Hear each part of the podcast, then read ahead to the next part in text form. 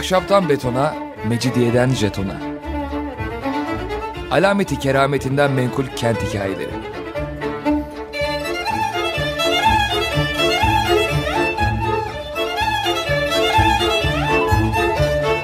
Hazırlayan ve sunan Pınar Erkan.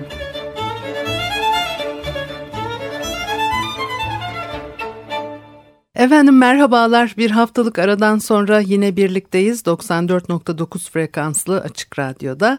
Ahşaptan betona, mecidiyeden jetona. Tam şu anda başlamış bulunmakta. Anlatıcınız ben Pınar Erkan. Elektronik posta adresim pinarerkan.yahoo.co.uk Bugün size 1894 yılında meydana gelmiş olan İstanbul depreminden e, söz edeceğim. Onunla ilgili e, enteresan veriler, bilgiler var. O dönemin basınında neler çıkmış, neler söylenmiş. E, o devirde insanlar bu felaketi nasıl yaşamışlar, depremden sonra neler olmuş, o toplanan yardımlar, rasathanenin kuruluşu gibi şeyler. İstanbul'da 376 yılından 1894 yılına kadar meydana gelmiş depremlerle ilgili bir liste dönemin padişahı e, 2. Abdülhamit'e e, sunulmuş. Bu listeye göre 376 ila 1509 yılları arasında 55 kere deprem olmuş. Tabii e, büyük e, tahribatlara yol açmış bunlar. Osmanlı döneminde ilk büyük depremin 15. yüzyılda meydana geldiği biliniyor. 16 Ocak 1489 tarihindeki o deprem çeşitli bina ve e, camileri yıkmış ama asıl 22 Ağustos 1509'da meydana gelen deprem büyük zararlara yol açmış. Tarihiyle ilgili çeşitli iddialar var ama en çok kabul gören tarih 1509. Literatüre kıyameti sura olarak e, geçiyor. Küçük kıyamet anlamındadır kıyameti sura. Bir cuma gecesi başlıyor İstanbul ve e, civarında aralıklarla 40 gün kadar devam ettiği söylenir. Halk büyük bir korkuyla e, e, kapalı mekanlardan çıkıyor. Bağ, bahçe, sokak artık neresi varsa gecelerini oralarda geçiriyorlar. 109 cami, 1070 ev tamamen yıkılmış. Fatih Külliyesi'nden Bimarhane, İmaret ve Sahne Seman medreselerinin kubbeleri çökmüş. Beyazıt Camii Medresesi tamamen yıkılmış. Yedikule surlarının büyük bir kısmı Topkapı Sarayı'nın deniz tarafından Bahçekapı'ya kadar uzanan surları harap olmuş. Deniz yükselerek İstanbul ve Galata surlarını aşıp şehre giriyor. Birçok mahalle sular altında kalıyor. 5000 kişinin öldüğü tahmin ediliyor. Ee, Topkapı Sarayı da zarar görüyor. Ee, Sultan II. Beyazıt'a saray bahçesinde e, odalar yapılmış. Fakat padişah e, burada kalmayarak Edirne'ye gidiyor. Aynı yıl 9 Recep gecesi ve 3 Şaban'da Edirne'de yine e, büyük depremler oluyor. Bunun üzerine padişah divanı topluyor ve bazı kararlar alıyorlar. İşte şehir onarılacak. Anadolu ve Rumeli sancaklarından 77 bin işçi toplanıyor. Bunlar İstanbul'a getiriliyor. E, işçilerin başına 3000 yapı ustası e, atanmış. E, 65 günde onarımları tamamlıyorlar. Surlar onarılıyor. Galata Kulesi, Kız Kulesi, Anadolu, Rumeli Hisarları, Büyükçekmece, Küçükçekmece köprüleri, Silivri burçları da e, onarılıyor. İşte İstanbul'daki saray e, konak ve evlerin e, depreme dayanıklı olması açısından ahşaptan e, yapılması usulü bu tarihten sonra başlamış. Tabii o da enteresan çünkü hani o tarihlerde bakıyorsunuz Avrupa yangınlardan başını alamadığı için yapı malzemesini ahşaptan kagire çevirirken bizde tam tersi bir durum söz konusu gerçekten hani belki bir karşılaştırılmalı karşılaştırmalı bir çalışma e, yapmak gerekir. Ya onda 1509 yıl tarihi ondan sonra birçok deprem oluyor. Bunlardan büyük olanları iyi bilinir. 22 Mayıs 1766 tarihinde e, Fatih Külliyesi yıkılıyor. E, İkinci Mehmet'in yaptırdığı Fatih Külliyesi. E, devrin padişahı 3. Mustafa bugünkü Fatih Külliyesi'ni işte o zaman e, yaptırıyor. Bundan başka kapalı çarşı, surlar, baruthane, saraçhane, Tophane, Yeniçeri kışlaları da yıkılmış. E, kubbeleri ya da çatıları çökmüş. 1766 depremi İstanbul'un geçirdiği en ağır depremlerden biri. 19. yüzyılda İstanbul'da en son büyük deprem 6 Muharrem 1312 yani 10 Temmuz 1894'te oluyor. Çok geniş bir alanda hissedilmiş ve elbette ağır hasara neden oluyor. Büyük hareketi arz, zelzele yazime veya zelzele müthişe olarak e, geçiyor. 10 Temmuz Salı günü öğle vakti 12.24'te e, e, e,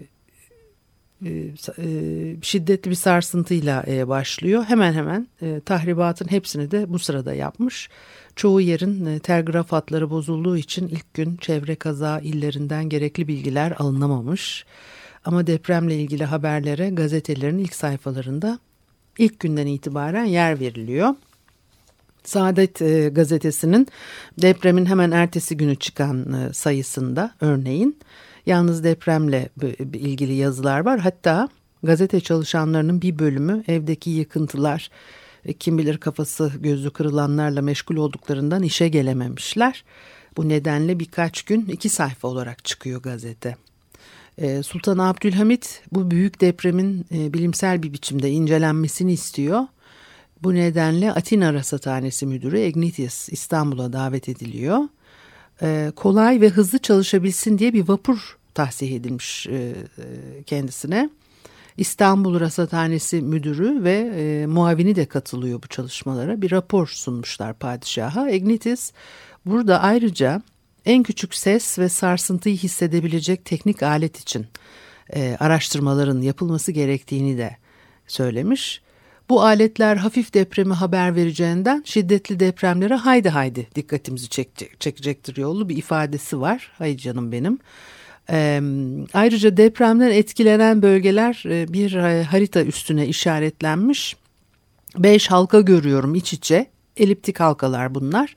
En büyüğü e, Çatalca'dan Adapazarı'na kadar İzmit Körfezi boyunca 175 kilometre devam ediyor. Küçük halka 39 kilometre çapında sarsıntıların e, arkasından söylentiler yayılıyor. Bazılarını söyleyelim. Bunlar e, halkı çok e, tedirgin etmiş tabii. E, sahil suları alıp e, birkaç gemiyi denizin derinliklerine götürmüş. Bazı yerlerden kükürtlü dumanlar çıkıyormuş. Marmara'da e, yeni adalar meydana gelmiş. Istranca dağlarında volkan ortaya çıkmış daha büyük bir deprem olacakmış. Efendim daha daha büyük bir deprem olacakmış. Hemen o gün hemen o gece olacakmış. Bir söylenti çıkarmak e, felaketlerle baş etmenin bir e, yolu herhalde. Kontrol duygusu veriyor insanlara. E, bu gibi söylentileri işsiz güçsüz takımının halkın telaşından yararlanarak e, çıkardığı vurgulanıyor o dönemin basınında. İstanbul'da meydana gelen e, bu depreme e, daha önce Marmara Denizi'nde e, sondaj çalışmalarında bulunan Rus-Amerikalı mühendislerin sebep olduğu şeklinde e, bir gazetede yazı çıkıyor. Yani bakınız şimdi tarih e, tekerrür etmez ama insanlar eden diyen bir e, muhterem e, vardı. Kimdi acaba o? Ve nedir? E, Amerikalılar e, Ruslarla e, ortaklaşa sondaj yapıyorlar bizim Marmara'da ve deprem yaratıyorlar diye te o zaman da söylemişler ve soruşturma açılıyor. Yapılan incelemede depremin tektonik olduğu sonucuna varılmış. Yani ecnebinin kabahati yokmuş yani. Halka dönüp demişler ki ey ahali deprem yer hareketlerinden çıkar ama civar şehir, ada ve e, köylerin batması çıkması mümkün değildir. Adalar, sahiller öyle bir defada çatır çutur çökemezler.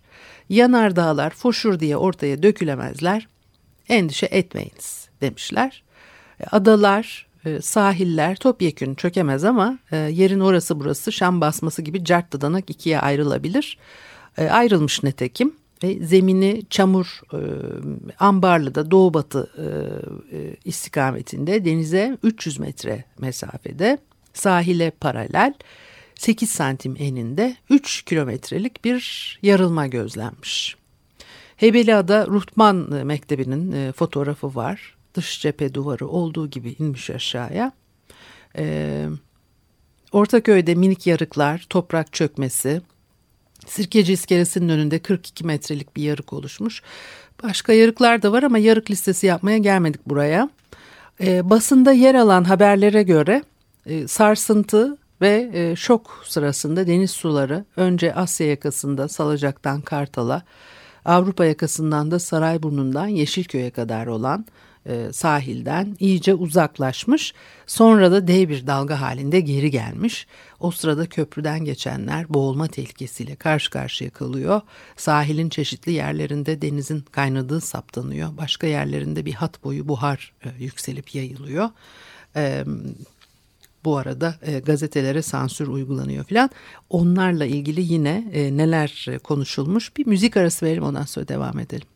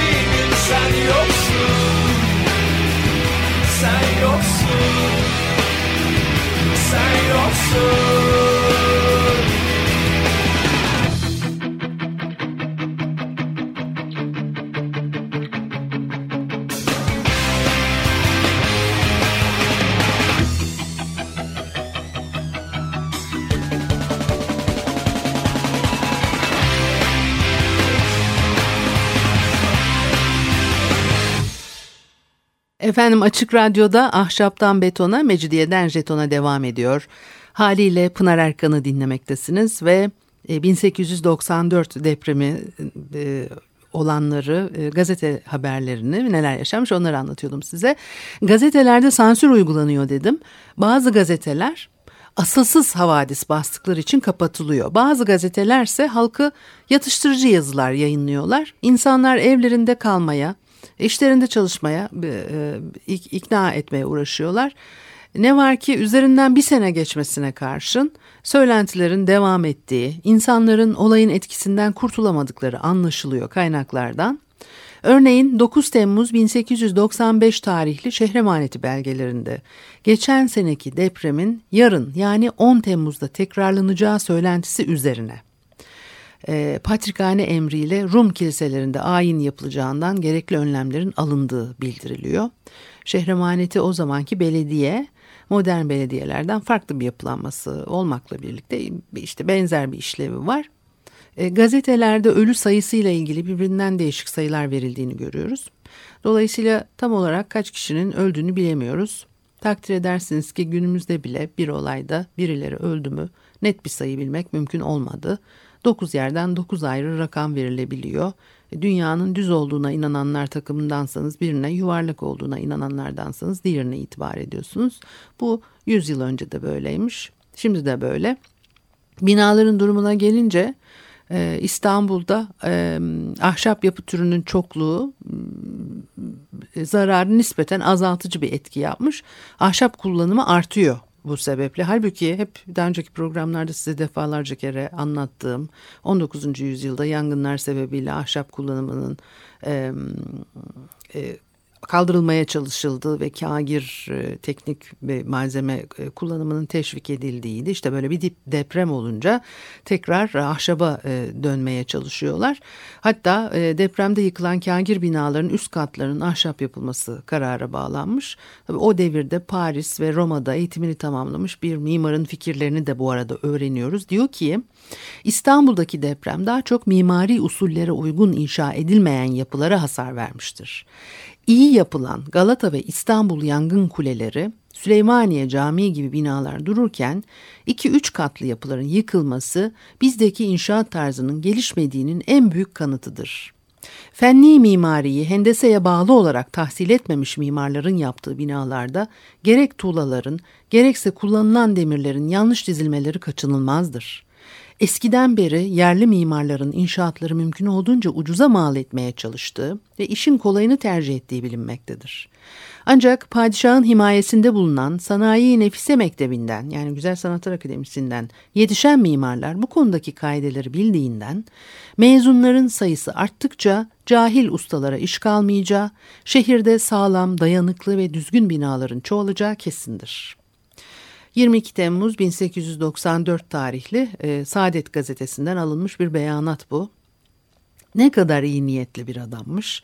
Aradan 130 yıl geçti ve gördüğünüz gibi okuldan yetişmekle adam olunmadı. Eski tas, eski hamam başlıklı düşünce akışını beyim kıvrım, kıvrımlarınıza tekrar yaratabiliyor muyum acaba? Okuldan iyi adamlar da yetişiyor fakat onları pek takan yok.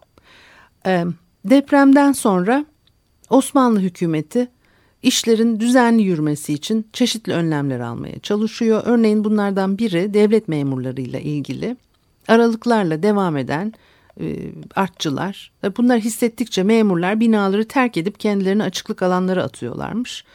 Aradan çok zaman geçtikten sonra bile bunun üzerine e, hastalık dışında göreve gelmeyen veya görev yerini terk eden memurların yevmiyelerinin kesileceği e, bildirilmiş. İstanbul Rasathanesi'nin e, temeli Sultan 3. Murat döneminde Rasıt Takiyüddin isimli bir e, kişinin e, yardımlarıyla ve çalışmalarıyla atılmış 1577 yılında. Sonra ne olmuşsa yürümemiş demek ki.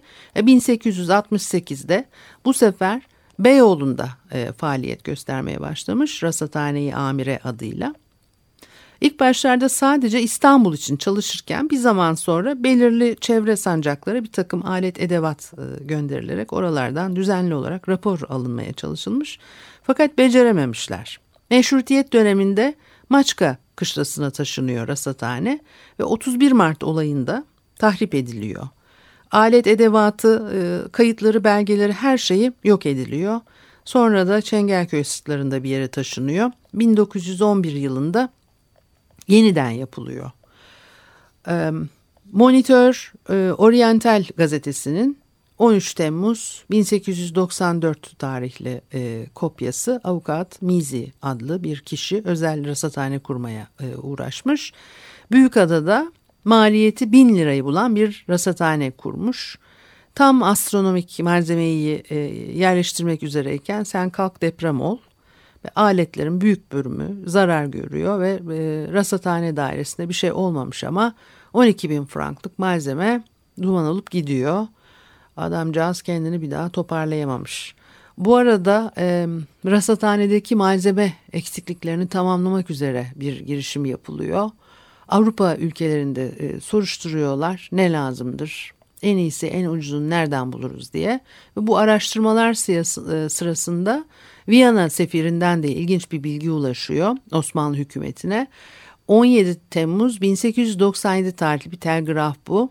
Viyana'da Monsieur Novak adında biri kendine has bazı yöntemlerle depremi önceden tahmin edebileceğini iddia ediyormuş. Hatta İstanbul civarından geçen bir coğrafi hat üzerine Temmuz'un 10'unda bir deprem olacağını önceden ilim erbabından bir dostuna bildirmişmiş. Anlayacağınız bu da e, eski gelenek kalkıp dünyanın başka bir ucundan İstanbul için e, deprem kehanetlerinde bulunmak da ayrı bir şey. E, hükümet Novak'ın kim olduğunu, resmi bir kimliği bulunup bulunmadığını öğrenmek istiyor. Cevap geliyor tabii kısa sürede. Halktan biriymiş, herhangi resmi bir dairede çalışmıyormuş e, tahmin edebileceğimiz gibi. Yalnız kimya öğrenimi görmüş. İşte öyle kendine göre güneşin lekeleriyle topografya hesapları yapıp bir nevi bitkinin e, meyil ve inhitatına dayalı yani eğilim ve yaşlanmasına dayalı bazı deliller e, vasıtasıyla bir sistem keşfetmiş. Efendim fenni belgelere göre cevaplar bulmaya çalışıyormuş. Bitkinin adı da Abros precatorius, e, dinozor ismi gibi. Sonra da e, depremzedeler için yardım toplanmaya başlanıyor. E, halkın bu acıklı durumu destan şiirlere konu olmuş. Şair Tevfik Fikret'in bir şiiri var örneğin. Okuyabilirdim fakat e, kendimi cümle aleme güldürmeye niyet etmiş değilim. Yani o eski Türkçeyi de ya, büyük hatalar yapmam e, çok mümkün. Yalnız Fatih askeri rüştiye talebelerinden Halit Efendi'nin e, kaleme aldığı 83 mısralık hareketi arz destanı deneyebilirim. O daha bana uygun. 3 dörtlük okuyacağım. Lütfen panik halinde kapılara koşuşturmayınız. Yıkıldı Edirne kapı minaresi, kurtulmanın yoktu gayrı çaresi. Harap olmuştu civarlar kalesi, herkes dökülmüştü bağuyu bostane. Allah dinü devlete vermesin zeval, ehli servet yardımda etmedi ihmal. Cümlesi buldu keyfinde kemal, rahmet ettiler ehli İslam'e. Her bir devletten iyane geldi, nice canlar gül gibi soldu. Takdir böyleymiş, yerini buldu, kara haber gitti bunca cihane.'' Yardım toplanmaya başlıyor dedim. Sefirler dış ülkelerde depremle depreme karşı ilgi uyandırmaya gayret etmişler, başarmışlardı ama Amerika'da durum biraz farklı olmuş. Osmanlı Devleti'nin Washington e, sefiri girişimlerde bulunuyor ve Hüvet isimli bir adam sağa sola mektup gönderiyor. Osmanlı padişahı Johnston sel e, afeti olduğunda herkesten önce e, bize zahire göndermişti e, Avrupa ülkelerinde işte yardımlar toplanıyor. Bizde tık yok ayıp oluyor ama yollu mektuplar bunlar. Bir taraftan da Osmanlı'ya Washington küçük bir şehirdir. Servet bakımından biraz kıttır. Bağış için pek başvuru olmamasının nedeni budur e, diyor mahcup mahcup ve Monsieur Orr adlı bir kişi de New York'ta çabalıyor yardım toplamaya gazetelere e, işte duyurmaya çalışıyorlar. New York Tribune gazetesinde Hristiyan olmayan bir memlekete yardım ilk defa vaki oluyor. İşte Amerikan Hristiyanlığının hayırlı teşebbüse engel mahiyette olmadığını göstermek... Ha, işte Amerika Hristiyanlığın hayırlı teşebbüse engel mahiyette olmadığını göstermek için bu bir fırsattır. Ee, doğru e, e, e okuyum böyle bir çağrı çıkıyor. Ve İstanbul depreminden bir süre önce ee, Yunanistan'da bir deprem yaşanmış. Bunun için e, Yunan sefirinin Amerika'da yardım toplamaya çalıştığını fakat Amerikalıların onlara bir kuruş vermemiş olduğunu anlatmış sefir Washington'dan e, gönderdiği mektupta. Deprem için yardım toplama çalışmalarından çabuk caymıyorlar fakat girişimlerine e, yani pek de bir şey elde edebildikleri de söylenemez. Neden sonra bir miktar para toplanıp İstanbul'a gönderilmiş. Bunda Amerika'da depremden bir süre önce çıkan yangın için işte Osmanlı padişahının 1500 dolar göndermiş olmasının da etkisi olmuştur deniyor kaynaklarda. Amerika o zamanlarda şimdiki gibi para yardım yapmaya pek meraklı değilmiş demek ki. E, felaketin geldiği gene bir e, tabii o deprem günü e, Salı günü Padişahın Bakanlığı'nda İstanbul Belediyesi'nde Merkezi Yardımlaşma Komisyonu kurulmuş. Kriz masası diyoruz buna biz bugün.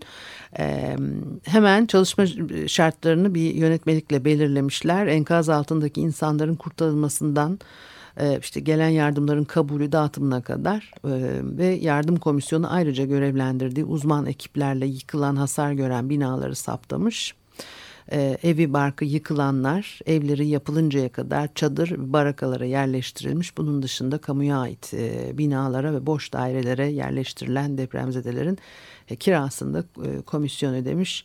Aradan 130 yıl geçmesine e, karşın depremlerle ilgili durumumuzda fazla bir değişiklik olduğu söylenemez. Tutumlarımızda da e, çok büyük bir farklılaşma yok. Ama hani e, bir kıyaslama yapmak açısından da e, 1894 depremi İstanbul için tabii çok önemli bir e, depremdi. Tarihi binalar içerisinde de o depremi aşanlar e, e, bugün yine karşımıza bir farklı bir şeyle çıkabiliyorlar. Haftaya görüşene kadar hoşçakalınız.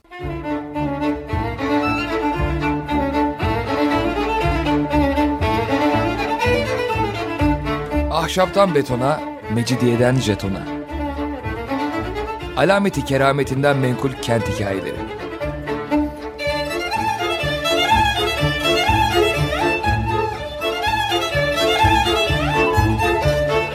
Hazırlayan ve sunan Pınar Erkan.